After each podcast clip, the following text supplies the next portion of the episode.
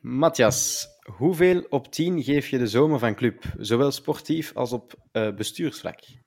Mm, sportief geef ik het een 8 op 10. Um, ik vind dat de, de Deila voetbal staat mij enorm, enorm aan. Uh, puur op transfervlak geef ik het een uh, eh, 7 op 10. Met toch wel een missing cherry on the cake. Maar straks meer waarschijnlijk daarover. Inderdaad, straks er veel meer over. Nog steeds in de Klokkenpodcast, nog steeds de voetbalpodcast voor en door Club Brugge supporters. Carrasco, daar is het. En daar is voor. Oh, met een mirakel. Izquierdo, daar komt hij weer. Bij Niels Izquierdo, terugleggen en de goal van Aken. Nu voorzet eveneens, daar is de kans op de 0-3. 0-3. Stop Olsen. Frankje van der Elf. En dit is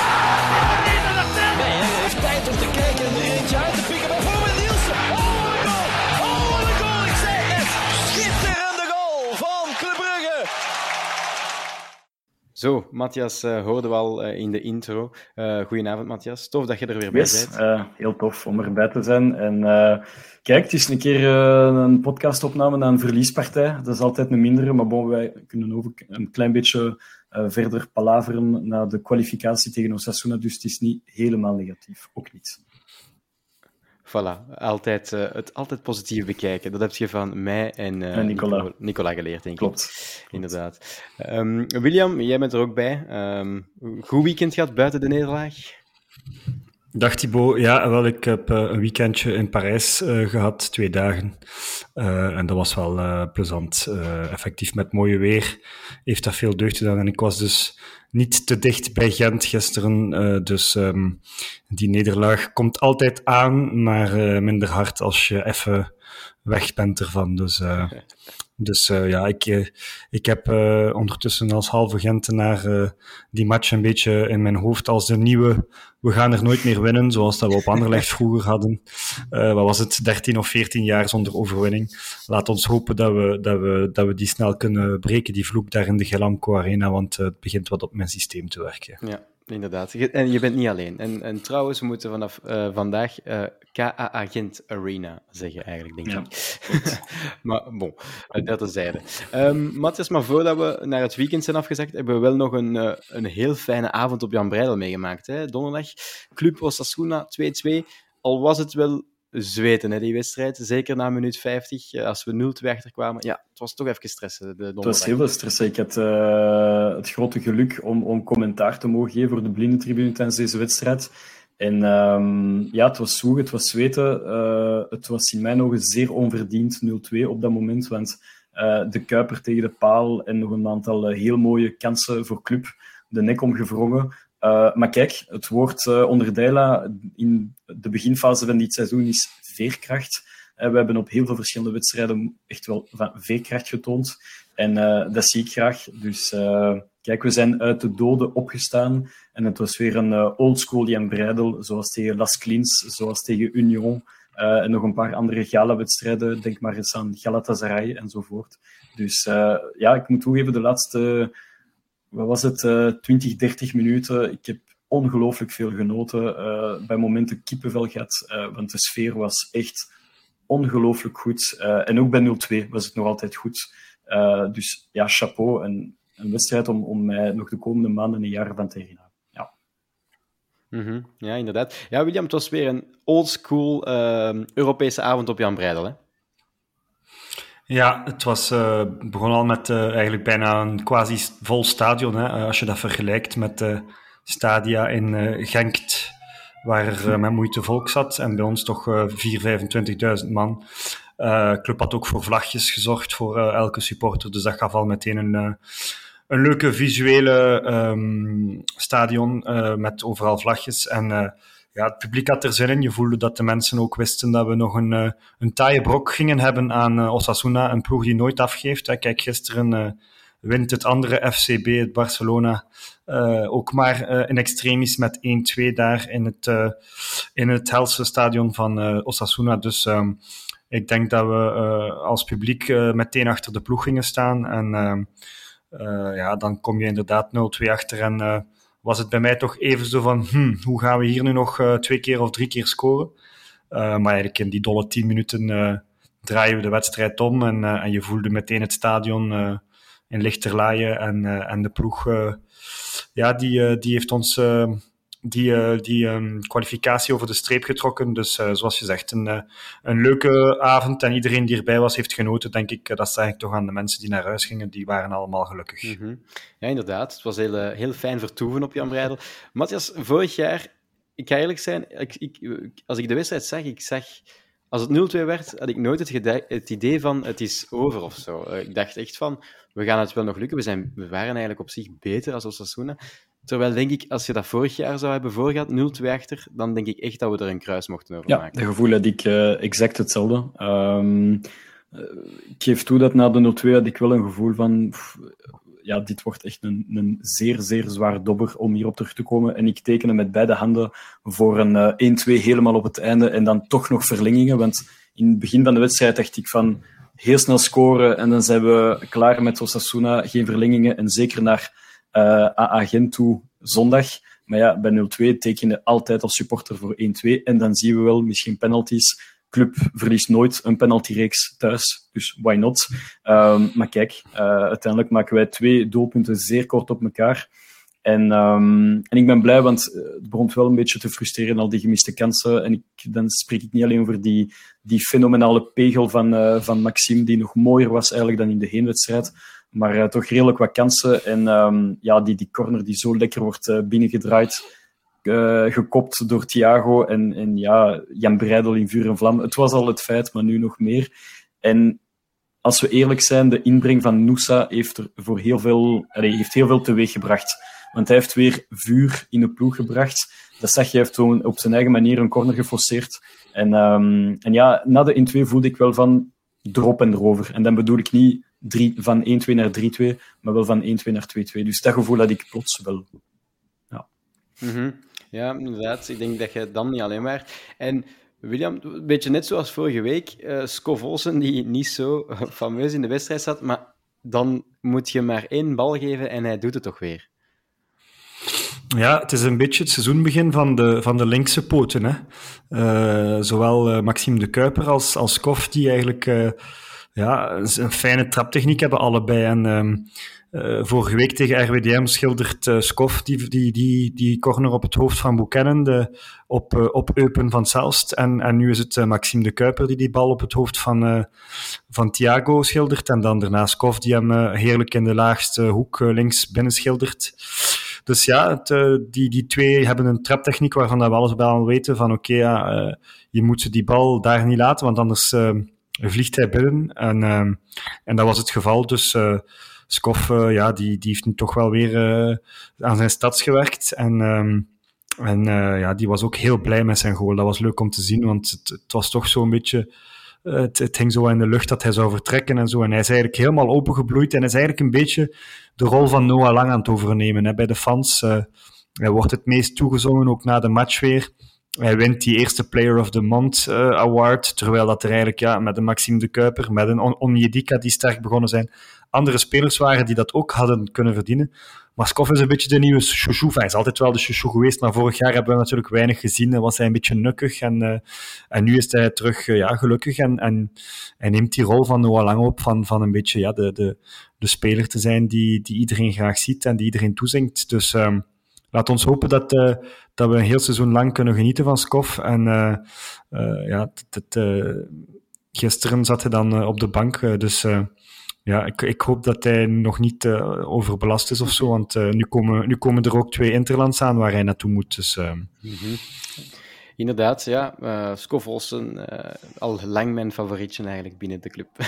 dat is geen geheim ja, we... denk ik. Je hebt er een truitje, truitje van gekocht, ja, ik hè? Heb er, ik, heb er een truitje van gekocht voor, voordat er eigenlijk beslist was. Zekerheid was, Voordat ja. hij bleef Mooi. of iets. Ik dacht, kom, ik doe Ik het. zie, Thibaut, ik zie wel geen uh, skofkoep bij jou. Nee, mijn skofkoop is weg, maar uh, ik ga hem op een dag zet ik hem Allee. terug, Matthias. Ik Voor de titel. ja, voilà, als we kampioen worden. ja, goed. We zitten dus in de groepsfase van de, van de Conference League, waar dat we toch eigenlijk ja, stiekem hadden al verwacht dat we dat sowieso gingen halen. Um, en dan kwam er uit de pot uh, vrijdag Besiktas, Bodo Glimt en Lugano, Matthias. Dat zijn drie ja, buiten Lugano twee toch wel nog degelijke ploegen voor in een Conference League groepfase eigenlijk. Ja, klopt. Uh, het zal er eentje bijzonder blij zijn. Dat is natuurlijk uh, mijn favoriet, uh, Hugo Vetlessen. want hij speelt natuurlijk tegen zijn, zijn ancien kameraden. Maar ja, is um, kijk, we hadden een moeilijkere groep kunnen loten, maar we hadden zeker ook een gemakkelijkere poelen kunnen loten. Um, Besiktas en club zijn in mijn ogen op papier de favorieten. Ik heb nog eens die, die ploeg van Besiktas gezien van dit weekend. Uh, ja, het zijn toch een paar namen uh, die wel mooi ogen op papier. Uh, dan spreek ik uh, over Oxlade Chamberlain en Vincent Aboubakar bijvoorbeeld, om er maar twee te noemen. Um, ik ga niet zeggen dat het uh, op hun retour zijn, maar ik denk wel dat we moeten opletten met Besiktas. Dus die eerste thuismatch tegen Besiktas zal al meteen een goede waardemeter zijn van oké, hoe kunnen wij ons vergelijken met hun? Uh, maar als we eerlijk zijn, uh, Thibaut, dan moeten wij altijd door, minstens in die top 2 geraken. Uh, met het publiek erachter, met het Deila voetbal. Uh, de kern die redelijk goed uitgebalanceerd is, behalve op één positie natuurlijk. voilà, het moet gewoon goed gaan en dan op naar de 16e finales. Mm -hmm, mm -hmm. En William, eigenlijk is het uh, ja, toch aangeraden voor club dat we daar eerste worden in die poelen. Want de tweede, je weet maar nooit, dan speelt je tegen de derde afvaller in Europa League. Die moeten nog, ja, dan moet je nog een extra wedstrijd weer gaan spelen. Dus we mogen toch mikken, hoop ik, op die eerste plaats. Ja, zoals uh, Matthias zegt, het was, uh, het was een beetje uitkijken naar die loting en in die voorrondes hadden we al de pech van Osasuna te loten, die eigenlijk een ploeg is die in zo'n poelen uh, waarschijnlijk als eerste overgaat en die wij nu dan als enigste moeilijke uh, loten in de voorrondes. Maar bon, we zijn er voorbij geraakt, dus um, ja, eerste worden, maar ik, ik zie dat Beziktas al thuis geen match meer verloren heeft sinds februari. Maar dat was hetzelfde met Argus. Um, dus ja, dat, dat, dat, dat zijn van die matchen waar dat uh, een beetje 50-50 is. Hè. En, uh, uh, dus Bodo Glimt hebben we toch ook bezig gezien vorig jaar in, in de Europa League of Conference League. En die waren daar toch thuis tegen Roma een, een pandoering en zo. Dus um, ja, het is een, een poele die, die ergens um, verraderlijk kan zijn ook. Hè. En, uh, en als je thuis tegen Besiktas, uh, laat ons zeggen, misschien met een valse noodstartje, dan is het een beetje inhalen. En, uh, dus inderdaad, die match bunker op meteen eind september. laat ons hopen dat we daar, zoals, zoals de voorbije wedstrijden, scherp kunnen starten en, en meteen de drie punten pakken. En hopelijk naar die eerste plaats, want elke clubsupporter droomt toch een beetje dat dat club minstens in een kwartfinale kan geraken. Hè. Agent en Anderlecht hebben het vorig jaar kunnen doen. Uh, toch niet met uh, een kern die sterker is dan de onze. Mm -hmm. uh, en als je kijkt hoe dat er allemaal in zit, ja, buiten Aston Villa um, en, en, en misschien nog een ploeg die ik vergeet, zijn het nu ook niet de ploegen waar dat wij um, op een goede dag niet, niet ons tegen kunnen plaatsen. Dus, mm -hmm. dus ja, kijk, het, het is een leuke pool, vind ik. We gaan naar Zwitserland, we gaan naar naar Bodo, een, heel mooie regio in, in Noorwegen, in het noorden van Noorwegen. En Istanbul, ja, daar weten we dat het uh, heet kan zijn in het stadion. Dus, uh, maar we hebben het daar al een keer geklaard, de klus, dus uh, waarom geen tweede keer? Mm -hmm, inderdaad. Heeft iemand van jullie twee een Europese away al gepland, of niet? Het, ja, Lugano was zeer, zeer waarschijnlijk. Ja, maar ik moet nog zien, want ik vertrek dan natuurlijk de dag erna naar Londen. Maar uh, kijk, als ik het uh, niet doe, dan zou het uh, schande zijn, want de hele schoonfamilie is van Zwitserland en niet zo heel ver. Het is van, van de kanten van Luzern, dus ik ga er echt een, een way van proberen te maken. Um, Bodo zit er niet want ik vind het net iets te dicht bij Antarctica. Uh, het is quasi de Noordpool bij wijze van spreken, dus dat, dat lijkt me wel een klein beetje ver. en, en Istanbul, uh, ja, is, ik heb zo het gevoel, uh, Istanbul is by far de mooiste stad van de drie. Maar als, als Belg daar, ik weet het nog niet. Ja, uh, in, inblenden tussen de supporters. Ja, ja altijd, uh, altijd tricky, denk ik dan. Ja. ik weet niet of, dat, of dat jij, William, al, al aways hebt gedaan in Turkije of zo, maar... Uh... Mm, nee, ik ben nog niet, uh, want Club heeft daar toch uh, gespeeld, uh, die keer in Beziktas en die keer in Galat en die twee keer Galatasaray. Ik hoor van degenen die het al gedaan hebben dat dat eigenlijk wel meevalt. Maar dat is een wereldstad, hè, Istanbul. Ik denk dat dat een van de grootste steden ter wereld is. Dus en, en elke voetbalploeg heeft daar zijn eigen wijk. Hè. Dus zowel Galatasaray als Besiktas, als Fenerbahce, en noem maar al die andere clubs nog op die daar zitten. Het is allemaal in hun eigen wijk. Hè. En um, als je dus in het centrum van, van, van Istanbul uh, voor de wedstrijd zit en, en maakt dat je met de andere clubfans een pub inneemt, dan, dan zal de politie op een bepaald moment wel um, escorteren richting stadion. Meestal is dat met bussen geregeld en zo. en ik hoor, ik hoor toch dat dat allemaal wel meevalt ja, ze steken je wel twee uur en een half voor de wedstrijd al in dat vak. En dan heb je ook geen, geen sterke van geen alcohol. Uh, en uh, moet je hopen dat ze daar wel wat chips verkopen of zo, om, om de tijd te doen en om toch iets te kunnen eten. Daarom dat ik er eigenlijk ook een beetje tegenop kijk. Maar anderzijds, ik ben nog nooit in Istanbul geweest en dat is wel een stad die uh, hoog op mijn verlanglijstje staat. Dus um, ik twijfel nog over die. En Zurich doe ik normaal gezien wel. Ja. Een van mijn beste vrienden woont daar ook. En en dus nog uh, een, een, een, uh, een away die niet al te ver is. En ik denk dat daar ook de meeste clubfans zullen zijn. Denk ja. uh, al denk ik dat Noorwegen ook zeer mooi zal zijn als ik de foto's van Bodo zie. Um, maar inderdaad, dat valt een beetje moeilijk. En het is inderdaad ja, wel want Zurich, mm -hmm. Zurich is amper 6 uur 30 met de auto, geloof ik. Dus, ja, dus dat valt gewoon mee. Hè. Voor de ja. meeste fans is ja, dat, dat zeker doenbaar. Ja. Mm -hmm, inderdaad. En Istanbul, ja, daar zit, ik denk ook dat we uh, een paar jaar geleden ook Bajarskir hebben gedaan. Ik weet niet dat dat Istanbul ja, is. Uh, dat is Istanbul ook? Ja. ja. Um, waar we toen met Leko verloren in de voorronde ja. van de Champions League. Hè? Ja, dat is, dat is de ploeg van uh, Erdogan. Hè? Ja, klopt, klopt, klopt, klopt, inderdaad. inderdaad. Ja, uh, het laatste wat ik er nog over wil zeggen over de groep. Uh, Matthias Bodo Glimt is wel uh, synthetisch, allee, ja. um, kunstgras. Um, ik, hoorde, ik zag enkel op de website zag ik een interview van Brandon Mechelen van dat kan nog moeilijk zijn. Ik begrijp dat Brandon Mechelen degene is die dat zegt, maar dan denk ik, dan denk ik als je een vetlessen hebt lopen, een Scovolsen, een Zinkernagel, dan denk ik wel dat ja. dat niet het grootste probleem moet zijn op kunst. En uh, Brennan Mechelen heeft geen excuus, want hij heeft zelf een jaartje uh, huur uh, gespeeld ja, bij, bij STVV, dus hij heeft, Stijn heeft er al op gespeeld. Dus het zou ook voor hem, en, en vaak, de clichés zeggen vaak, de technische spelers hebben het gemakkelijker dan de ja, min, minder voetballende spelers, maar dat is niet altijd zo, uh, is al gebleken. Dus uh, nee, want we spraken daar net over de pandoering van Bodo tegen uh, Roma. Maar ik denk dat het al van twee seizoenen geleden is, geloof ik. Hè. Um, en de ploeg van Bodo is bijvoorbeeld dit seizoen niet super, super begonnen. Uh, ze hebben al redelijk wat, wat gelijk spelen en verloren, et cetera. Dus ik denk wel dat de ploeg van Bodo dit seizoen minder is, denk ik. Mm -hmm. Oké, ja. We zullen zien wat het geeft, althans, um, de Conference League. Wel, we hadden wel nog een wedstrijd in de Jubilee Pro League ook dit weekend uh, naar uh, AA Gent. Uh, al enkele seizoenen een heel moeilijke verplaatsing voor club. En dat bleek ook weer um, zondag, William. Um, de club begon zonder Skof Olsen en zonder Jonas Pileers aan de wedstrijd. Dus Dela had zich zo wat aangepast aan, aan, aan Gent en aan de Van Azenbroek zijn mannen. En ja, ik kan anderminst zeggen dat dat de eerste 20, 25 minuten een succes was. het was helemaal niet zo goed eigenlijk. Inderdaad, het was um, zoals we gewoon zijn in, uh, in Gent. Hè, club die weer uh, zwak start eigenlijk en, uh, en zich een beetje laat over, overtreffen, overtroeven door, door Heinz en mannen die vlogen op elke blauw-zwarte speler. En um, ja, het was raar om te zien dat Skoff op de bank begon. was dit een tactische ingreep van Deila uh, was Kof misschien toch niet 100% fit, want na zijn doelpunt werd hij ook snel vervangen uh, vorige week donderdag. Uh, we hebben natuurlijk al veel wedstrijden gespeeld, maar dat geldt ook voor Agent. Um, of was het gewoon uh, Zinkernagel, de chouchou van onze trainer, die, die per se moet blijven staan? Hè? Zijn interview op zaterdag ook, die zei van...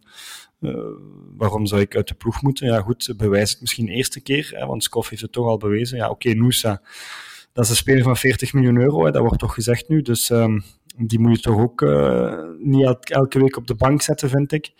Dus um, ja, ik vond het een beetje raar dat Deila zich aanpaste, dat, dat, dat um, Boyata in de ploeg kwam kon ik ergens wel begrijpen, want die was eigenlijk wel goed ingevallen tegen Osasuna. En uh, uh, misschien ook wat extra duelkracht, kopkracht in, tegen die Gentenaars, tegen Kuipers, tegen uh, de corners van Agent.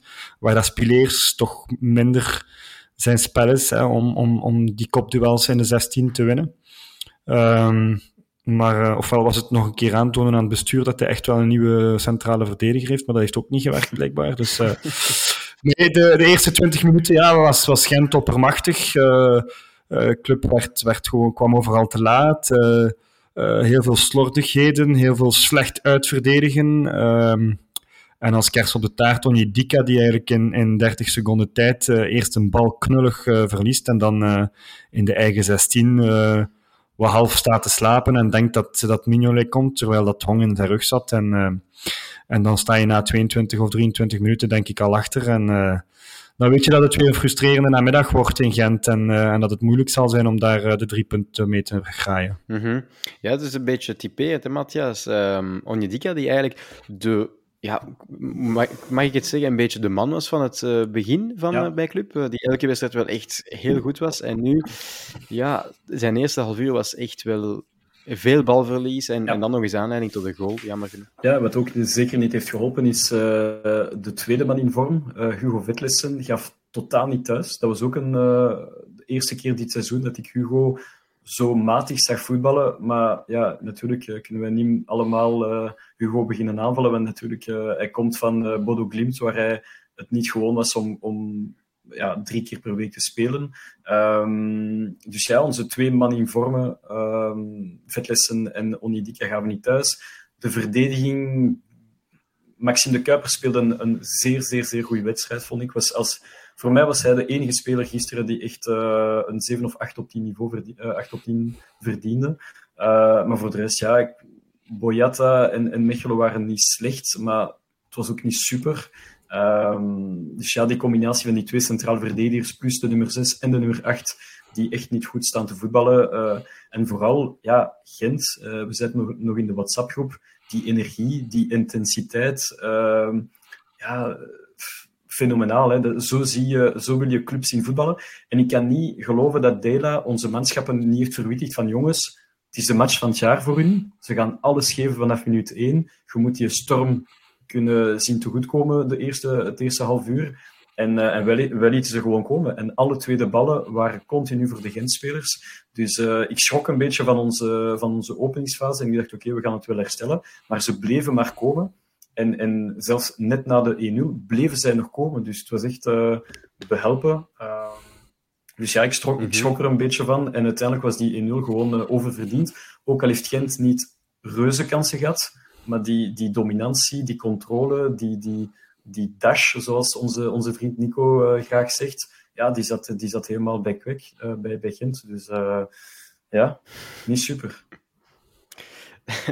nee, dat kan ik, dat is inderdaad waar. Maar dan heb je een, ik noem het een big game player nodig om je weer in de wedstrijd te krijgen, ja. hè, William. Um, Hans van Aken, ja, die, die man, die ja, die kopt hem weer gewoon lekker hard tegen de touwen. Het kan hem, hij, wordt precies altijd wakker als er toch een, een, goede, een, een betere tegenstander tegen hem staat. Inderdaad, Hans uh, was er uh, wel gisteren. En, uh, het is altijd iemand die, uh, die ook ons, ons op moeilijke momenten inderdaad erdoor sleurt. En gisteren heeft hij eigenlijk een eerste kans al een beetje ervoor op voorzet van Noosa, denk ik. Waar dat hij net de bal niet goed raakt en dat hij een goede, echt goede Hans, die, die legt dat gewoon binnen. Mm -hmm. um, en daarna kan hij niet profiteren van een, een, een foutje van Nardi, denk ik, die onder de bal doorgaat. Want dat was eigenlijk wel niet te missen, maar hij schrok gewoon. Je zag zelf dat hij schrok van die kans. En dan werd hij wel op het korrel genomen voor, door het Gent-publiek. Zo, hè, van, ik weet niet, er werd iets gezongen. Ik, ik weet het niet meer, Hans. Uh, ik weet niet wat je bent van nacht of whatever. iets, uh, iets dat enkel de kwek uh, Giro kan zingen. um, en dus dan een lekkere voorzet van, van onze linkerpoot. Uh, de Kuiper en, en, en Hans, die hem heerlijk overhoekt, inderdaad droog binnenkopt. Net voor de rust, ideale moment. En, en dan ging Hans even toch verhaal halen bij de, de Gandaham boys daar achter de goal.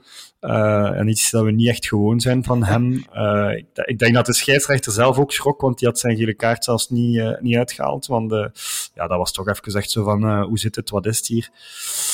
dus je voelde wel wat frustratie ook van zijn kant. En um, ik hoopte op dat moment dat we toch met die 1-1 de rust in gingen en dat we, dat we misschien met een, een soort herboren moed of, of, of een goede, goede tactische ingreep aan de rust.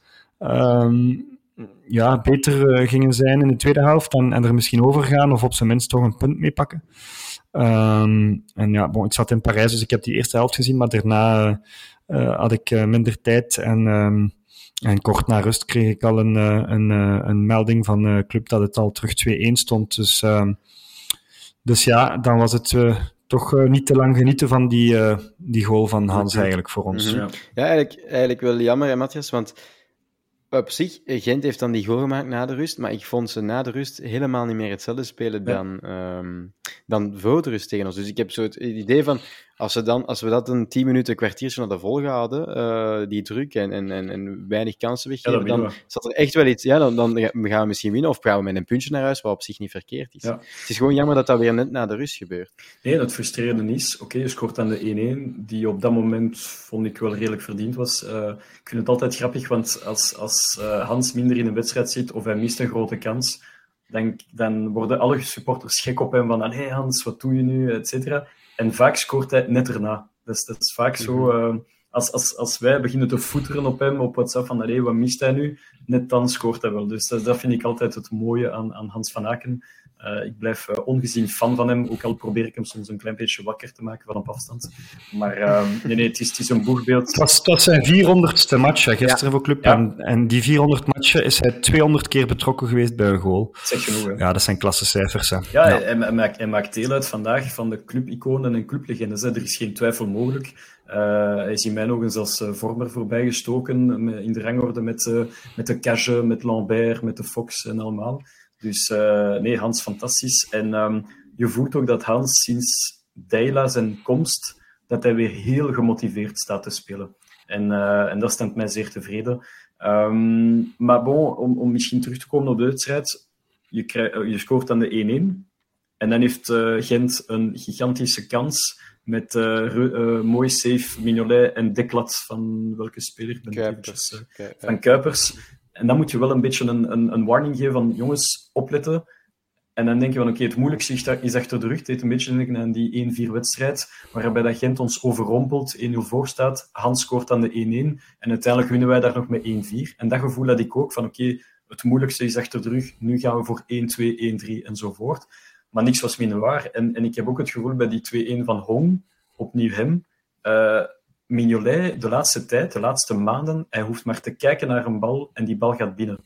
En dat is, dat is zeer frustrerend, want Mignolet pakte die, die, die ballen vroeger van, van een Hong. Uh, de 1-0 de was een moeilijke, maar die 2-1, een, een hele goede een hele goede Mignolet staat beter gepositioneerd en maakt kans om die save te maken. En nu vliegen zij er allemaal binnen. En dat vind ik wel een, een, een, een minpunt begint ook al bij die uittrap. Hè. En ik, ik vind gewoon ja. uh, dat Mignolet met zijn voeten de laatste tijd neemt ook enorm veel risico's. Allee, vorig jaar daar tegen STVV in de beker ja. uh, krijgen we nog zo'n dwaze goal tegen. En, en nu ook, uh, op een bepaald moment speelt hij daar iemand in. hij staat zelf bijna uit de baklijn of uit de cirkel. Uh, ik weet niet meer wie dat was. Vetlessen, denk ik, met zijn rug naar, naar, naar de tegenstander met drie gasten in zijn rug. Dat kwam toen nog goed omdat de scheidsrechter op voor een fout mhm. fluitte, maar veel te veel risico en dan willen we zo uh, uh, tiki-taka uitvoetballen, terwijl dat we daar eigenlijk zeker niet de spelers voor hebben. Ja, en Mignolet is zo iemand die altijd wel rustig en cool blijft, maar op een bepaald moment is het ook soms gewoon wegrammen naar voren en liefst over de midlijn, want deze uittrap was gewoon uh, recht in de voeten van Kums, uh, die, die op, op bijna uh, op een kwart stond van ons veld. En, en, en twee pasen stond Rong schuin voor de goal en, en was 2-0, 2-1. Dus ja, ik, ik vraag me ook af of dat Mignolet wel nog uh, ja, het is toch een, een heel dure speler. Contract uh, nog even, uh, 4 miljoen euro per jaar salaris, of hoeveel is 3,6. Um, ja, dan mag ik hopen dat we toch de betere Mignolet gaan zien de komende maanden. Is dat de vloek van de gouden schoen? Is dat iets anders? Ik weet het niet, maar um, laat ons hopen dat hij zich herpakt, want effectief punten pakken is nu wel ook als keeper belangrijk, zeker als de verdediging uh, al een beetje wankel is. Mm -hmm. Laat ons zeggen, tot die, tot die titel tegen Union was hij ja, fenomenaal sinds zijn komst.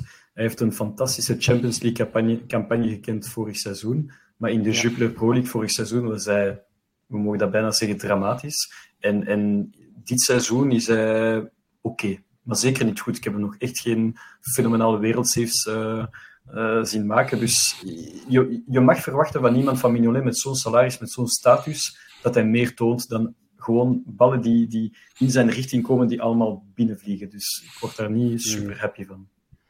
-hmm.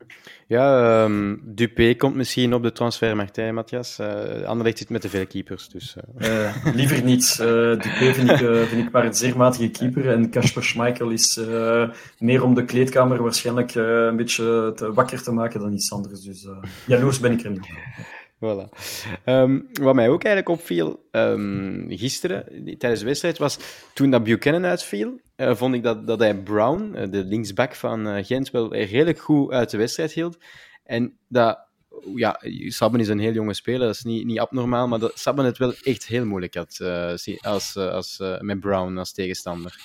Um... Ja, het was, het, was, het was vorige week nog even uh, wat, wat, wat onder, om, om TJ te doen. Hè. Die ging nog naar Southampton of naar, uh, naar uh, help me, Atletico Madrid, Madrid vertrekken. Ja, ja, ja. En je las links en rechts wat supporters die zeiden van ah oké, okay, laat maar gaan. En we hebben, we hebben Sabbe die, die, die goed is ingevallen en die al getoond heeft dat hij het kan en de evolutie maakt. Maar ja, dan zie je gisteren toch, als TJ uitvalt, dat ehm, dat Sabbe dan komt en dat die jongen toch nog progressie moet en, en zal maken, maar dat hij nog niet het niveau van Buchanan is. Buchanan is misschien niet altijd de beste voetballer de laatste um, maanden en, en, niet de man die, die veel uh, assists afgeeft, maar het is wel een echte atleet. Het is wel iemand, als je die tegenover je hebt, als linksbak of linksvoor van de tegenstander, heb je wel een moeilijke klant aan Buchanan. En ja, uh, vanaf dat Buchanan uitviel en, en die Brown uh, uh, toch een paar keer met Sabbe zien, zien dollen daar. En, en Sabbe heeft het gewoon heel lastig gehad. En ik bedoel, dat, dat kan gebeuren. Hè. Ehm, dus ik denk toch dat we blij mogen zijn dat Buchanan gebleven is. En dat ik, ik hoop nu dat zijn, zijn blessure toch niet, ja. niet te ernstig is. Hè, want eigenlijk dan zijn onze twee backs die, die normaal gezien zouden spelen, Meijer en, en, en Buchanan, allebei in de lappenmand. En dat is toch wel veel van het goede. Dus uh, nee, ik denk dat we eigenlijk blij mogen zijn dat Buchanan nog gebleven is. En uh, zo'n atleet op de rechtsbak die, die blijft gaan en die energie heeft. En uh, soms ook de, de, de, de bak terug, terugduwt. Hè. We zagen het ook tegen Osasuna, die linksbak was toch ook een vervelend mannetje. En Buchanan heeft hem toch ook goed uit de match gehouden. Dus um, niks tegen Sabbe. Leuke speler om zeker dit jaar veel te zien spelen. Maar om, om die als vervanger al te zien op de rechtsbak, als vaste rechtsbak, dat is nog te vroeg. Nee, en, en ik denk dat dit ook een een, een, een, zeer goede leerschool was uh, voor Sabbe. En natuurlijk wil je geen leerschool zien wanneer dat het erop aankomt tegen, uh, tegen Gent. Maar uh, ik vond Sabbe zijn eerste 30, 40 minuten tegen die Brown waren echt niet goed. Maar ik vond in de loop van de tweede helft ging ik het wat beter. Was die, de kous was er ook af bij die Brown. Dat zag je ook na minuut 70. Was die Brown helemaal leeg gespeeld. Um, maar ja, je kan geen betere tegenstander hebben dan, die jongen uh, voor, voor een Sabbe. Uh, ik blijf een, een ongelofelijke fan van Kiri. Uh, hij heeft ons zelfs op linksback tegen zijn voet. ik herinner me nog die, die wereldpaas tegen RWDM. Zijn fantastische wedstrijd op Westerlo. Dus hij heeft al heel veel moois getoond. Maar gisteren inderdaad was het even iets te, iets te hoog niveau voor hem. Maar, uh, maar het komt wel goed. En inderdaad, ik zie daar een, een, een vaste titularis, maar wel pas vanaf volgend seizoen. Want dit seizoen is het nog veel te vroeg om 100% te mikken op, uh, op Kirisabe. Ja, ja sowieso. Inderdaad, uh, dat hij maar zijn tijd neemt. Hij komt er wel. Dat hebben we allemaal, ja. denk ik, wel al gezien. Um, wat ik nog uh, laatst wil zeggen over die wedstrijd, um, vind ik wel, zelf al voordat Gent met 10 viel, Matthias, vond ik ons al vijf, zes minuutjes met de inbreng van Jutgla, vond ik ons toch wel al... Ja, ja we gingen weer normaal naar die 4-3-3 spelen, um, een beetje aanvallender spelen, met meer lef. En, en dan zie je toch dat we eigenlijk gewoon goed kunnen voetballen. Dan, dan, dan, dan, dan snap ik nooit van, waarom hebben we dat niet van in het begin laten zien, dit? Dus, uh, ik, ik, ik had eigenlijk al hoop dat na de eerste helft van Gent zo energiek, zo dynamisch, met veel pressing, dat ze het een beetje gingen lossen vanaf uh, tweede helft. Maar eigenlijk wist je vanaf minuut 60, 70, ze kunnen dat gewoon niet, niet volhouden. Dus wij hebben dan eindelijk aan onze match begonnen. En zij zijn net omgekeerd, zij zaten, zij zaten nog helemaal door. Je zag het ook bij die invalbeurt van Gift Orban. Uh, hij, hij, kon de tijd zelfs niet doen keren en was zelfs heel slecht. Maar bij de inbreng van Ferran Jutla, Scovolsen, ik denk Michel Scoras is er ook redelijk snel erop gekomen. Uh, ja, dan kregen wij weer overwicht. En vooral, en dat heeft het verschil gemaakt, Zinkernagel stond nergens de eerste 60 minuten. En vanaf minuut 60 is hij ook beginnen voetballen. En dan weet je van een, een dartelende uh, Philip Sinkernagel, die kan heel veel bijbrengen. Hij heeft tot twee keer toe bijna gescoord ook. Twee zeer knappe reddingen van Nardi. Um, dus ja, als die jongens vooraan beginnen te ballen en Maxime de Kuiper en Kiri lekker naar voren kunnen blijven spelen en voetballen, en zeker na die rode kaart, die 2-2 zat erin en ik was quasi 100% zeker dat die ook ging vallen. Maar ja, die Nardi, uh, normaal vind ik dat een, een degelijke keeper, maar zonder meer. Maar het is vaker bij club, ik denk aan Sinan Bolat of aan andere keepers, als die plots die wereldsaves eruit moeten halen, dan, dan doen die dat ook. Hè. Dus uh, heel frustrerend. Mm. Ja, inderdaad. Zo uh, blijven we wel achter met een, met een nederlaag. Maar mogen we wel concluderen, denk ik, dat we een, sportief gezien wel een redelijk goede zomer achter de rug hebben. Um, de wedstrijd van gisteren brengt ons ook naar onze nieuwe rubriek, trouwens. Um, met hoe is het nog met? En uh, William, jij hebt daar een, een speler voor. Klopt, Thibaut. Ik, uh, ik heb geopteerd voor een ex-speler van Club NA Gent. En uh, een ex-speler van Club NA Gent, wiens zoon ook een ex-speler is van Club NA Gent. En die gisteren inviel uh, bij A Gent en twee keer geel nam. het gaat dus om Kalilou Fadiga. Um, en Fadiga die begon uh, zijn carrière in Parijs, bij PSG eerst, en dan Red Star Paris. Um, hij is ook opgegroeid in Parijs als hij jong was. Um, uh, Fadiga was uh, als Senegalees op jonge leeftijd naar Parijs gekomen en ja, was daar eigenlijk in de banlieues van Parijs opgegroeid. Niet in, in de meest ideale omstandigheden, maar heeft zijn voetbaltalent goed gebruikt om, om dan eigenlijk um, een transfer richting België te versieren naar Club Luik en um, later naar Lommel, om dan van Lommel in 1997 uh, bij Club terecht te komen. Um, wat een, een, een goede transfer was voor Club toen. Hè. Fadiga de gouden linker was een fenomenale speler.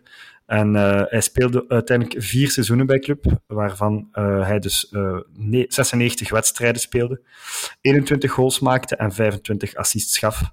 Um, wat dat toch niet mis is qua cijfers. De bijnaam van Fadiga, weten jullie nog wat dat zijn, zijn bijnaam was? Kali?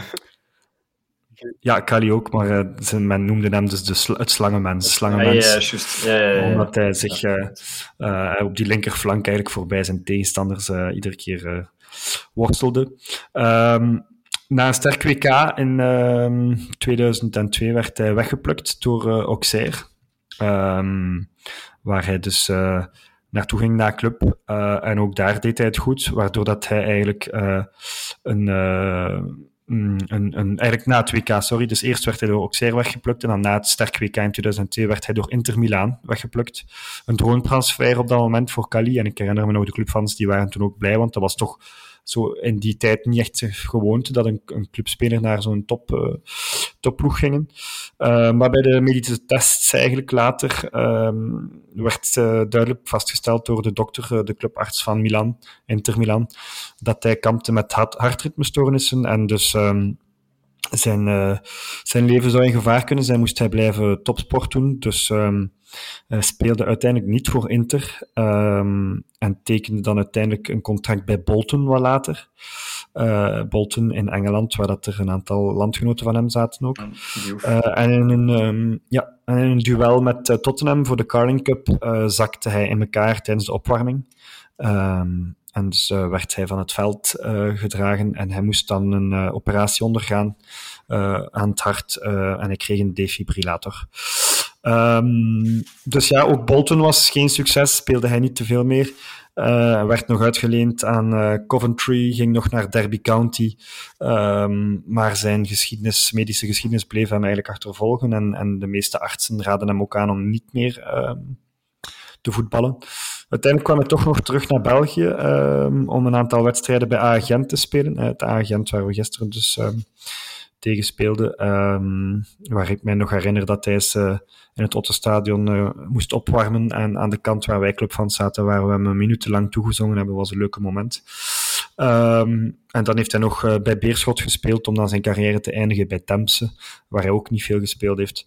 Ehm, maar dus Kali is terug in België komen wonen en hij werkt nu eh, voor de Franstalige televisie, zowel ehm, op La Tribune is hij soms te zien als voor RTL doet hij de, de Champions League matchen. Ehm, en eh, de meeste clubsupporters zullen hem wel af en toe nog een keer tegenkomen, want hij, hij is zelf nog, denk ik, eh, een, een, een echte blauw-zwarte. En dus eh, hij zit vaak eh, of in het uitvak met ons, of in de, in de thuisvakken eh, bij wedstrijden van club nog af en toe. net zoals zijn zoon Noah vroeger. Maar goed, die, die zit nu bij onze rivaal agent. en hij is, zit daar eigenlijk door het feit dat hij in Italië, ehm, of in Frankrijk beter, ehm, een beetje hetzelfde nieuws gekregen heeft van zijn vader. Dus ehm, ja, ik, ik hoop dat ze, dat ze weten bij Gent wat ze, wat ze doen. En, ehm, eh, want eh, ja, het is natuurlijk eh, nog een jonge gast, dus zo iemand wil je niet op, een, op een veld zien eindigen. Dus voilà, bij deze Kalilou. En misschien, ja, jullie zijn net nog wat jong om echt vol een bak mee te maken te hebben. Maar welke wedstrijd komt er bij jullie op als ik ja, Kalilou Fadiga zeg bij Club Ja. Bij mij is het erg. Thibaut. bij mij is het erg omdat je het bij Club Brugge te, te, te weinig herinnert. Ik herinner mij jammer genoeg één fase van, van hem bij Gent.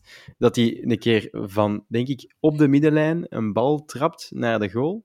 Opstaan daar was het, denk ik. En dat dat op de lat belandt. Dat was een fase die mij, die mij, die mij eh, naar boven komt als ik aan, eh, aan Ja, of die-. Of die omhaal in de bekerfinale met Gent tegen Anderlecht heeft hij ook zo'n soort van... op de eh, lat of op de Ja, paal? op, Ja, de, op de ja, lat, inderdaad. ja, ja, maar ja. eh, nee, ik heb, eh, mijn, mijn, mijn allereerste wedstrijd was, denk ik, als ik me niet vergis, met Erik Gerets als coach toen. Eh, mijn pa nam mij voor het eerst in het stadion. Het was toen in eh, seizoen 97, 98.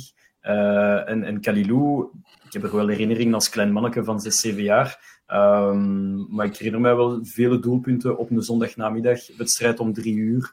Eh, met die typische song na de, na de, de goaltune eh, die- van club. Dus ik heb er wel veel goals van gezien, maar, maar echt zo heel nadrukkelijk van ja, die goal, die wedstrijd. Ik stond daar. eh, nee, daarvoor was ik te klein, maar ik heb wel een paar goals live van hem gezien op Jan Breidel. Ja, en dat was eigenlijk een wedstrijd eh, dat Club eh, Agent heeft opgerold. Dus alweer onze tegenstander van gisteren, dat was eh, 6-2. Ja. Eh, als ik me niet vergis, was Borkelmans net ook naar Gent getransfereerd. En, eh en Kalilou heeft daar op zijn eindje Gent compleet zoek gespeeld. en zelf ook gescoord met een heel mooie volley. eh assists gegeven. Dus ja, die 6-2, dat was de Kali-match. Dat was Fadiga op zijn best. En, eh, en Gent wist gewoon niet waar of hoe. Ja. Eh, ik ken hem met het. eh, hij had een zeer goede verstandhouding ook op het veld met eh, Darko Anic, eh, weet ik nog. Dat ze vaak eh Ja. elkaar aanvoelden. En, en dat hij niet zo'n specifieke, eh, als hij scoort, zo'n mimiek, zo met zijn, met zijn, twee, eh, met zijn twee handen Ja. op zijn hoofd. Ja, Konijn, konijnenoortjes, ja. konijnenoortjes. Ja. Was, was daar Ja, Ja, was daar eigenlijk iets om te doen eh, als hij naar Gent ging spelen, onder de clubsupport? Nee, want hij was na al die omzwervingen toen, en, en dat was eigenlijk nog eh, Gent die net niet die rivaliteit had die het nu heeft. In, in die periode was Gent, ja, dat was eh Otto Stadion, eh, dat is eigenlijk een beetje net daarna begonnen, maar we hebben eigenlijk een aantal spelers gehad. Hè. Borkelmans is toen ook naar Gent gegaan. Eh, eh, die, die, die echte haat die gecreëerd is, laat ons nog altijd duidelijk zijn, door, door A-Gent, het bestuur en, en zelfs de burgemeester van Gent op moment, die is pas later gekomen eigenlijk. eh, inderdaad, de tijden met Boussoufa en zo en, eh, Stijnen. en, en toen, maar... Ja, Ja. voilà, die, die, die wedstrijd, hè, dikzak, en wat is het allemaal. Eh, dat is eigenlijk toen pas begonnen, eh, maar daarvoor, ja, ik bedoel, Lekens kwam als trainer, uh, Houwaard kwam als trainer van club naar, naar Gent, Soljet dan, ehm, die dan ook terug naar Gent gegaan is. Dus nee, in, in die periode was dat niet zo, niet zo erg. En hij heeft daar ook maar 18 matchen gespeeld, zag ik, en volgens mij dus eh, totaal niet eh, een impact eh, gegeven. Laat ons hopen dat dat nu ook voor No- Noah Fadiga geldt, dat hij daar niet te veel impact heeft, want ja, dat zou toch jammer zijn dat een speler die bij ons toch een aantal jaren gezeten heeft en, en zoon van een ex eh, top, topspeler van ons uh, daar zou doorbreken. Mhm. Ik vind het wel ferm dat dus Brest heeft geconcludeerd van kijk, we gaan stoppen, want uh, je mag niet meer voetballen uh, wegens hetgeen dat we zien uh, met jouw hart. Maar dus dat mag wel in België. Dus dat vind ik altijd heel, heel vreemd dat een bepaalde club zegt van kijk, we stoppen jouw contract. En, en, en dat een andere ploeg, eh, Gent, toch wel van, van een goed niveau, dat zij wel het aandurven om, om die te transfereren. Dus soms stel ik mij zo maar ik denk ook dat het, is het is al de, de, de medici staan al veel verder dan vroeger met, met, met Kalilou. Uh, maar ja, ik vraag me nog altijd waarom kan het niet in de Ligue 1? Uh, dat is een beetje hetzelfde verhaal als Eriksen. Het mocht niet in Italië, maar het mocht wel in Engeland. Uh, ik stel me daar soms vragen bij. -hmm. Ja, de, ja, ik denk dat dat een beetje afhangt van club tot club. En, en ja, hoe, hoe ver, ja, hoe, we weten natuurlijk ook niet het ganse medisch dossier van die jongens, hoe ver gevorderd die hartritmestoornissen en zo zijn. Dus ja, dat hangt een beetje af van club tot club, denk ik. Um, ja, Kalidou Fadiga, fijne herinneringen inderdaad. Um, we gaan uh, een beetje verder gaan met de stelling van de week. Eigenlijk hebben we um, van al onze luisteraars en fans hebben we eigenlijk een beetje dezelfde stelling van de week binnen gehad. Want Club heeft vandaag op hun website aangekondigd dat ze de Europese transferlijst, allez, Europese lijst hebben doorgegeven. En dat, dat wil zeggen dat de zomertransfers erop zitten voor Club. Dus het huiswerk is gedaan.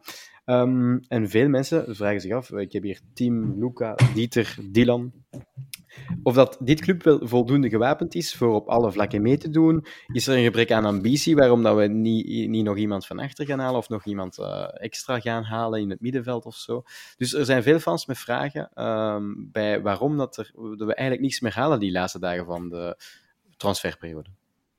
Ik weet niet, uh, Matthias, of dat, dat jij, jij dezelfde concern hebt uh, daar, dat, met, met, onze luisteraars?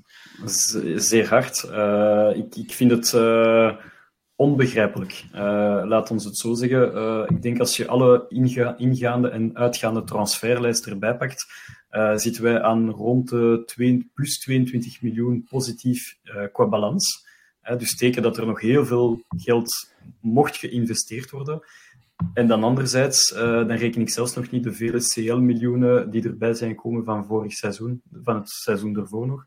Maar het is onbegrijpelijk in de zin van um, de vier centrale verdedigers die, die overblijven zijn Mechelen, Boyata, Spileers en Joël Ordóñez. Uh, Mechelen is Mechelen. Je weet wat je eraan hebt, maar je weet vooral ook wat je er niet aan hebt. Ik vind het nog altijd uh, matig tot oké, tot goed soms, maar niet genoeg als je de volgende stap wilt zetten. Boyata uh, doet een, een, een oké begin van het seizoen, maar iedereen weet, en we mogen het bijna nu al op wedden, dat hij binnen dit en de komende weken uh, geblesseerd gaat raken. Hij was al overbelast vorige week. Wat gaat het geven wanneer dat we op een ritme komen met Conference League, beker, competitie, noem maar op. Jordan Spileers uh, is denk, volgens mij de beste van de vier, maar is nog redelijk vrij en in duel misschien niet de allerbeste. En Joel Ordóñez hoor ik veel goeds over, maar heeft nog niet echt op professioneel niveau voetbal gespeeld.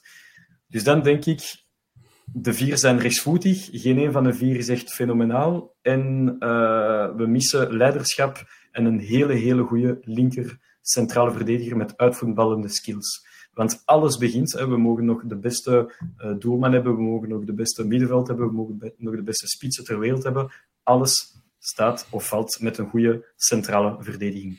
Dus um, ik vind het onbegrijpelijk. Ik vind het zelfs een professionele fout van club dat Abakar Silla nooit werd vervangen. Dat je een keer Noah niet vervangt en zegt van oké, we gaan op Noosa mikken. Of dat je zegt van oké, Matta is weg, we gaan TJ en Kiri de volle kans geven tot daar aan toe. Maar Abakar Silla niet vervangen en geen links, linksbenige centrale verdediger hebben, vind ik gewoon not done. En, en zoals ik zei in het begin van de podcast, we konden de cherry on the cake zetten en, en, het, het verhaal van de Mercato helemaal afmaken, want tot dan was de Mercato goed, vond ik van Manhart, zowel ingaand als uitgaan. Maar dit is volgens mij een professionele fout van club. -hmm. dit, is, dit is bijna schuldig verzuim. Hè? Ik bedoel, uh, er komen nu zoveel wedstrijden aan. Uh, ja, Mechelen, oké, Mechelen staat er elk seizoen en we weten dat het een diesel is en zo verder enzovoort. Maar we zeggen toch ook al jaren uh, tegen elkaar, clubsupporters, van het is misschien eens tijd dat we toch een vervanger halen voor Mechelen. Spileers kan misschien in zijn voetsporen treden, maar daar moest toch wel iemand bij die, die op die linkse centrale verdedigerpositie uh, uh, ja, kon, kon, kon de dirigent zijn van die verdediging. En ik heb de indruk dat we weer gezocht en getalmd en, en en ja, ergens vraag je je toch af, hoe kan dat? Uh, die Watanabe bij Agent komt van Kortrijk, was nu toch ook niet de duurste transfer? Ja, dat is toch een speler die meteen kwaliteit brengt. had nooit veel gele kaarten, dus dan als verdediger zegt dat toch ook veel. Blijkbaar was die voor club te min, eh, volgens de scouts. Maar goed, als je scouts alleen maar topspelers aanbrengen die uiteindelijk niet willen komen of te duur blijken, want ja, hè, we gaan geen 20 miljoen meer uitgeven of 18 miljoen of 17, maar dan toch blijven proberen bij die gast van Leeds, uh, Struik, die uiteindelijk ook niet komt, uh, om dan te zeggen, ja, sorry, we stoppen hier bij onze transferzomer. Ja, dat vind ik gewoon je wist eigenlijk al in, in april, mei hè, uh, dat, dat Sila ging vertrekken en dat hij door met de jackpot ging vertrekken. En dan wacht je zo lang af. Uh, het is niet omdat we van RWDM uh, met 7-1 of 7, 7-1 winnen en op Eupen, dat we dat elke week gaan doen. Hè. En het is nu gewoon zonde dat we toch een, een sterk team hebben, maar dat we achterin toch voelen dat we kwetsbaar zijn. En er komen toch wel wat wedstrijden aan. Dus uh, effectief, ik versta het niet zo goed. Mm -hmm. uh, misschien heeft het ook te, ka te kaderen in het uh, nakende de nakende verkoop van club. dat, dat de top hart en vragen zeggen van oh, we gaan hier nu ook niet te veel meer uitgeven. ja, ik weet niet hoe dat het komt dat we dit, dit gewoon zo laten en, en, en niet vervangen van Sila. Ja, lijkt mij een uh, raar verhaal. Ja. En veel, veel clubfans zie ik toch morgen daarover. Ja, inderdaad. En wordt er dan misschien geopteerd, Matthias, dat uh, Meijer de, de oplossing is daar? Want ja, dat is eigenlijk de enige linksvoetige met de Kuiper die, die wat kan verdedigen, kan verdedigen eigenlijk. Ja, het, kan, het is de enige excuus die ik kan uitvinden. Want um, uh, allee, op, op papier zijn alle posities dubbel bezet. Dat klopt. Maar dat is op papier. Want uh, centraal in de verdediging zie ik meer kwantiteit dan kwaliteit. En als uh, Maxime de Kuiper natuurlijk is, is fenomenaal bezig, daar moeten wij gewoon eerlijk over zijn. Hij, doet het, uh, hij is niet super, super aan zijn, aan zijn seizoen begonnen. ik herinner mij um, KV Mechelen thuis en Arust was een beetje zo-zo. Maar kijk, uh, hij doet het nu heel goed. Was bij de betere gisteren zo niet de beste. Uh, dus ik denk niet dat club uh, Maxime de Kuiper wil blokkeren en zeggen van kijk, jongen, Meijer is terug, dus ga maar lekker op de bank zitten. Um, maar aan de andere kant vind ik wel dat, dat concurrentie zeker mag. En, en, en het is allemaal te gemakkelijk. Hè? De posities zijn dubbel bezet. worst case als het echt foutief afloopt, dan kunnen wij nog in januari herstellen en schakelen met de nieuwe centrale verdediger. Maar dan weet je nu al, dan gaan we nog tot 30 januari moeten wachten en bibberen en beven. Dat is allemaal altijd hetzelfde. Um, nee, het is, het is, ik vind het echt, uh, zoals ik zei, professionele fout. En, uh, en oké, Meijer kan linker centrale verdediger spelen. Ja, dat klopt. Maar ik zie Meijer als linker centrale verdediger in een driemansverdediging, mogelijks. Maar ik zie Meijer eigenlijk niet in een viermansverdediging, want dan zet je Meijer als linksback mm -hmm. en daarnaast het duo bijvoorbeeld Spileers Meijer of Mechelen uh, Meijer. Maar is, is Meijer nu kwalitatief een goede speler om te zetten in een viermansverdediging centraal achterin? Ik heb daar heel veel vragen bij eigenlijk. Ja, nee, je bent uh, niet alleen, denk ik. Uh, daarmee dat ik het u vraag, hè, Matthias. um, maar in het algemeen, onze inkomende transfers, we hebben uh, Scoras, Thiago, Barbera, Vetlessen, De Kuiper, die dan terugkomt van Westerlo, en Zinkernagel. Um, op papier zijn dat ja, natuurlijk geen verkeerde transfers, William. Um, is er al, ja, van die transfers, zijn er toch nog twijfels van de inkomende transfers voor u? op dit moment dat jij hebt gezien al na een maand? Er zijn nog twijfels, ja, zeker en vast, uh, Thibaut. Ik, um, Scoras was de eerste die je noemde, ja, die had ik al eigenlijk een beetje afgeschreven zo. Uh, nu, ik moet zeggen, toen tegen RWDM viel die wel lekker in en ook op Osasuna viel die oké in. Uh, maar goed, dus sindsdien hebben wij het niet meer gezien. Hij mocht uh, denk ik niet invallen, of was hij nog ingevallen voor ik thuis tegen Osasuna? Ja. Uh, gisteren kreeg hij nog vijf, zes minuten als het, als het al een beetje, het kaalval een beetje verdronken was. Dus ja, laat ons hopen dat hij dan toch hetgeen dat hij toen tegen RWDM liet zien kan brengen. Het ziet er wel een, een pittig baasje uit, om het zo te zeggen, als hij op het veld staat. Dus hopelijk vecht hij zich toch ergens richting op een bepaald moment een, een speler die beslissend kan zijn voor club ja, Vetlessen is wel een, een, een goede speler, maar gisteren verdronk hij toch mee uh, tegen een middenveld uh, De Saar, Kums. Uh, dat zijn nu toch ook geen wereldspelers. Ehm, dus laat ons hopen dat het een beetje te maken had met ja, het, het die, die, die gasten die erin vlogen. Maar dat vond ik toch ook wel opmerkelijk. En Thiago als spits, ja. Um, ik vond hem eigenlijk wel zeer sterk in die tweede helft tegen Osasuna. En ik vond dat hij toch ook een beetje mee die match deed kantelen. heeft daar dan nog die actie met die bal op de paal.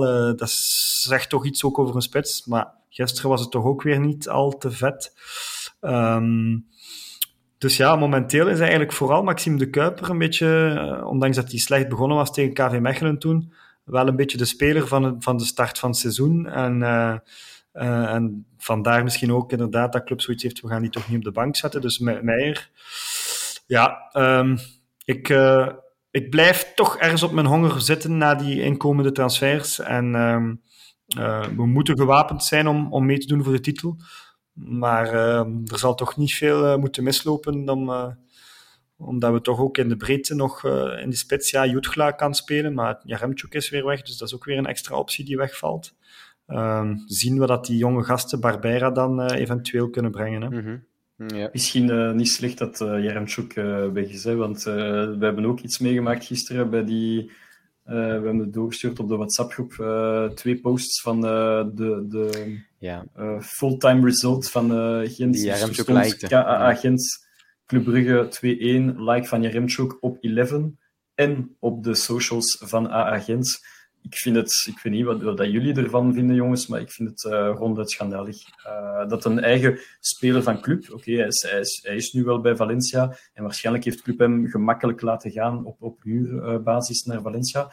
Maar ik vind het compleet ongehoord om zomaar twee likes zo stiekem uh, te zetten van yes, Gent is gewoon tegen club. ik vond het not done, dus voor mijn part hoeft hij niet meteen terug te keren, Roman Jeremsky.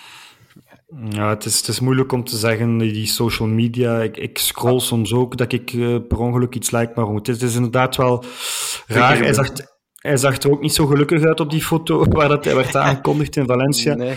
Om het uh, te zeggen. En bij Club zag hij er eigenlijk de laatste weken wel gelukkig uit. Want ik denk nog op Ja. het filmpje van Club, net voordat hij... uh, Een dag voor Osasuna, de dag- denk ik. ja. of zoiets. ja, was hij nog echt met een kamerbrede glimlach. En eh, dus eh, is hij niet een beetje naar de exit geduwd? Wat is er daar gebeurd achter de schermen? Eh, ja, we kennen onze Vincent Mannaert ondertussen. Dat is ook een beetje een, eh, iemand die soms niet speciaal luistert naar de spelers of naar de mensen. En ja, we weten niet wat er is gebeurd. Ja, waarom lijkt hij dat? Ik versta het ook niet. Je bent toch nog altijd speler van Club Brugge op de een of andere manier.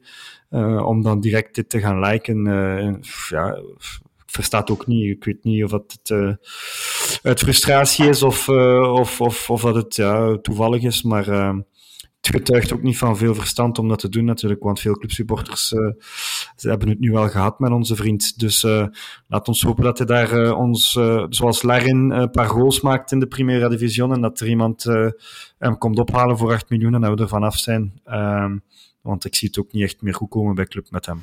Nee, Ja. ehm, En misschien om, uh, om terug te komen, want je, je sprak over de Kuiper, maar ik vind ook Zinkernagel uh, hoort ook echt wel bij de, bij de betere transfers uh, deze zomer. gisteren was hij minder, maar de laatste 30, 30 minuten kwam hij er volledig door. En, en, wat ik heb gezien van Zinkernagel in die 5, 6, 7 wedstrijden stemt mij bijzonder tevreden. En eindelijk heeft Van Aken zijn concurrent en het is ook een concurrent eigenlijk onrechtstreeks voor Skof en voor Noosa, dus hij had iedereen scherp. En hij doet het fenomenaal goed op zijn uh, Refaelov uh, toen bij club. Dus ik, uh, ik ben zwaar pro deze transfer. En voor een badje net 2,5 miljoen, dat is, Ja, dat, is, voilà. dat is geen geld, bij wijze van het spreken. is dat, het is, eh, Dus, het moet niet altijd 6 of 7 miljoen zijn, denk ik dan. Hè? Ehm, als als Nee, je ziet wat... Nee, en, en, ja, en, en Vetlessen, uh, oké, hij was minder gisteren, maar ik denk ook dat Vetlessen tot het gaatje is geweest tegen Osasuna. Hij had krampen, hij kon niet meer verder. En ik denk, onze spelers zoals Hugo niet meer verder kan, dan heeft hij letterlijk alles gegeven op het veld. Wat niet altijd van andere jongens kan gezegd worden. Um, dus Vetlessen is voor mij een, een, schot in de roos en is, is, is, een centra is de centrale middenvelder, middenvelder dat we, dat we missen de voorbije jaren. Mm -hmm. Ja. Mm -hmm. Ja, um, dus al bij al uh, geen slechte uh, zomertransfers. Maar er, we missen nog de cherry on the cake. Dat is eigenlijk wel uh, ja. de conclusie een beetje van, van... Ja, we gaan zien wat het brengt natuurlijk. Want nu is het een um, twee weken, ja, een week en een half geen clubvoetbal. Ehm, het is interland voetbal. We hebben enkele interlands, denk ik, met Skof, um, Noosa, Vetlesen. En er is nog iemand. Spileers. Spileers, ja. Die gaan met bij, de, belo bij de belofte. mee. En dan was het... Sabbe. Sabbe waarschijnlijk. Ja, dus er zijn er wel een paar uh, die vertrekken. Joël Ordóñez, ja, zijn er. Er inderdaad... Kuiper ook, hè. De Kuiper is ook ja. mee met de belofte van België. Kuiper ook mee. Dus een paar die uh, vertrekken, om dan de volgende week weer ja, uh, de voorbereidingen voor een heel druk najaar uh, te starten. Beginnende met thuis um, Charleroi, denk ik, dat we krijgen volgende week. Ja. Allee, binnen twee weken, zondag. Ja, en dan is het uh, meteen daarna thuis tegen Besiktas. Ja. En op, uh, en op Anderlecht, hè. dus um, druk, druk, druk programma. Dus laat ons hopen dat we toch uh, wat spelers kunnen recupereren. Ik denk aan Nielsen. Uh, Jutgla is nu toch terug op tijd. Um, Meijer. Wie, wie, weet Meijer al. En ja, afwachten van Buchanan of dat we die kwijt zijn of niet. voor die wedstrijden... Ja, hoe lang hebben we die kwijt zijn? Maar meestal als er een speler zo naar de bil grijpt, dan ben je die toch snel twee, drie weken kwijt. Of zelfs meer.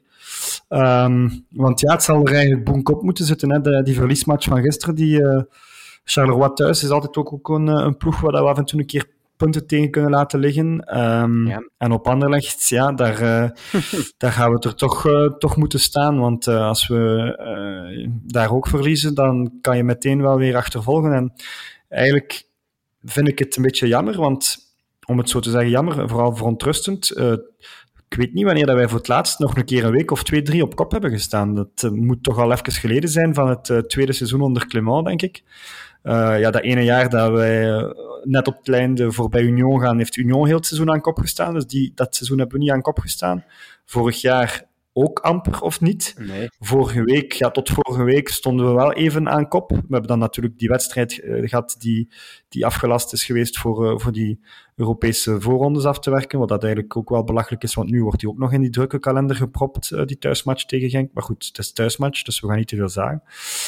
Um, maar ik zou graag nog eens een paar weken op kop staan. En ik weet dat Mannaert soms denkt van ja, het is toch in die play-offs dat het allemaal gespeeld wordt. Maar ik vind het toch ook leuk en fijn om, om als club die toch toonaangevend is in België, op kop te staan. Als je kijkt naar het buitenland, en Man City en Bayern, die staan toch allemaal op kop. En wij bengelen daar nu weer op plaats 5, 6. Dus uh, ja, ik wil, uh, ik wil die wedstrijden winnen die eraan komen. En, uh, en snel die eerste plaats pakken en, en dan ook een keer niet afgeven. Uh, want dat zou, dat zou toch mogen voor een club als, uh, als de ons. Mm -hmm. Ja, dat, dat, vind ik eigenlijk wel ook. En zeker thuis uh, dan onze eerste wedstrijd na de, winter, na de break um, is Charleroi. Mazou, dan mag je altijd iets verwachten, Matthias, denk ik. zeker als die naar Jan Breidel komen. Het zal een, een stevig blok zijn dat we moeten ontwrichten, denk ik, na de, na de break. Ja, klopt. Ja, ik zie ons, ik zie ons zo winnen. Ik bedoel, Charleroi zit in een in een neerwaartse curve. Uh, ze pakken heel, heel weinig punten. Uh, maar ja, het zal, het zal zaak zijn om snel de 1-0 te scoren en, ja. en, die, die dubbele gordel te, te ontmantelen. Maar, uh, maar ja, ik, ik, zie ons, ik zie ons thuis winnen tegen Charleroi. En, ze, ze, ze, pakken toch niet veel goals binnen ook niet. 0-0 nee, nee, op, op, Genk, 0-0 nu tegen uh, Sint-Truiden, denk ik, die toch ook een ploeg is in vorm. 0-0 uh, uh, ja, op Anderlecht hadden ze eigenlijk kunnen gelijk spelen. Dus ja, ja ik zou ze toch niet ja, onderschatten, uh, Matthias. Nee, en, vorig jaar, kan ik me herinneren, na 10 minuten was 0-2, denk ik. ja, dat was, het, is, het is ons zwarte beest thuis, echt waar. Charleroi thuis is een wedstrijd die we toch wel vaak, behalve dan die ene keer met Klaasie, waar dat we ze volledig zoek spelen, ja. is toch een ploeg die vaak punten pakt op Jan Breidel.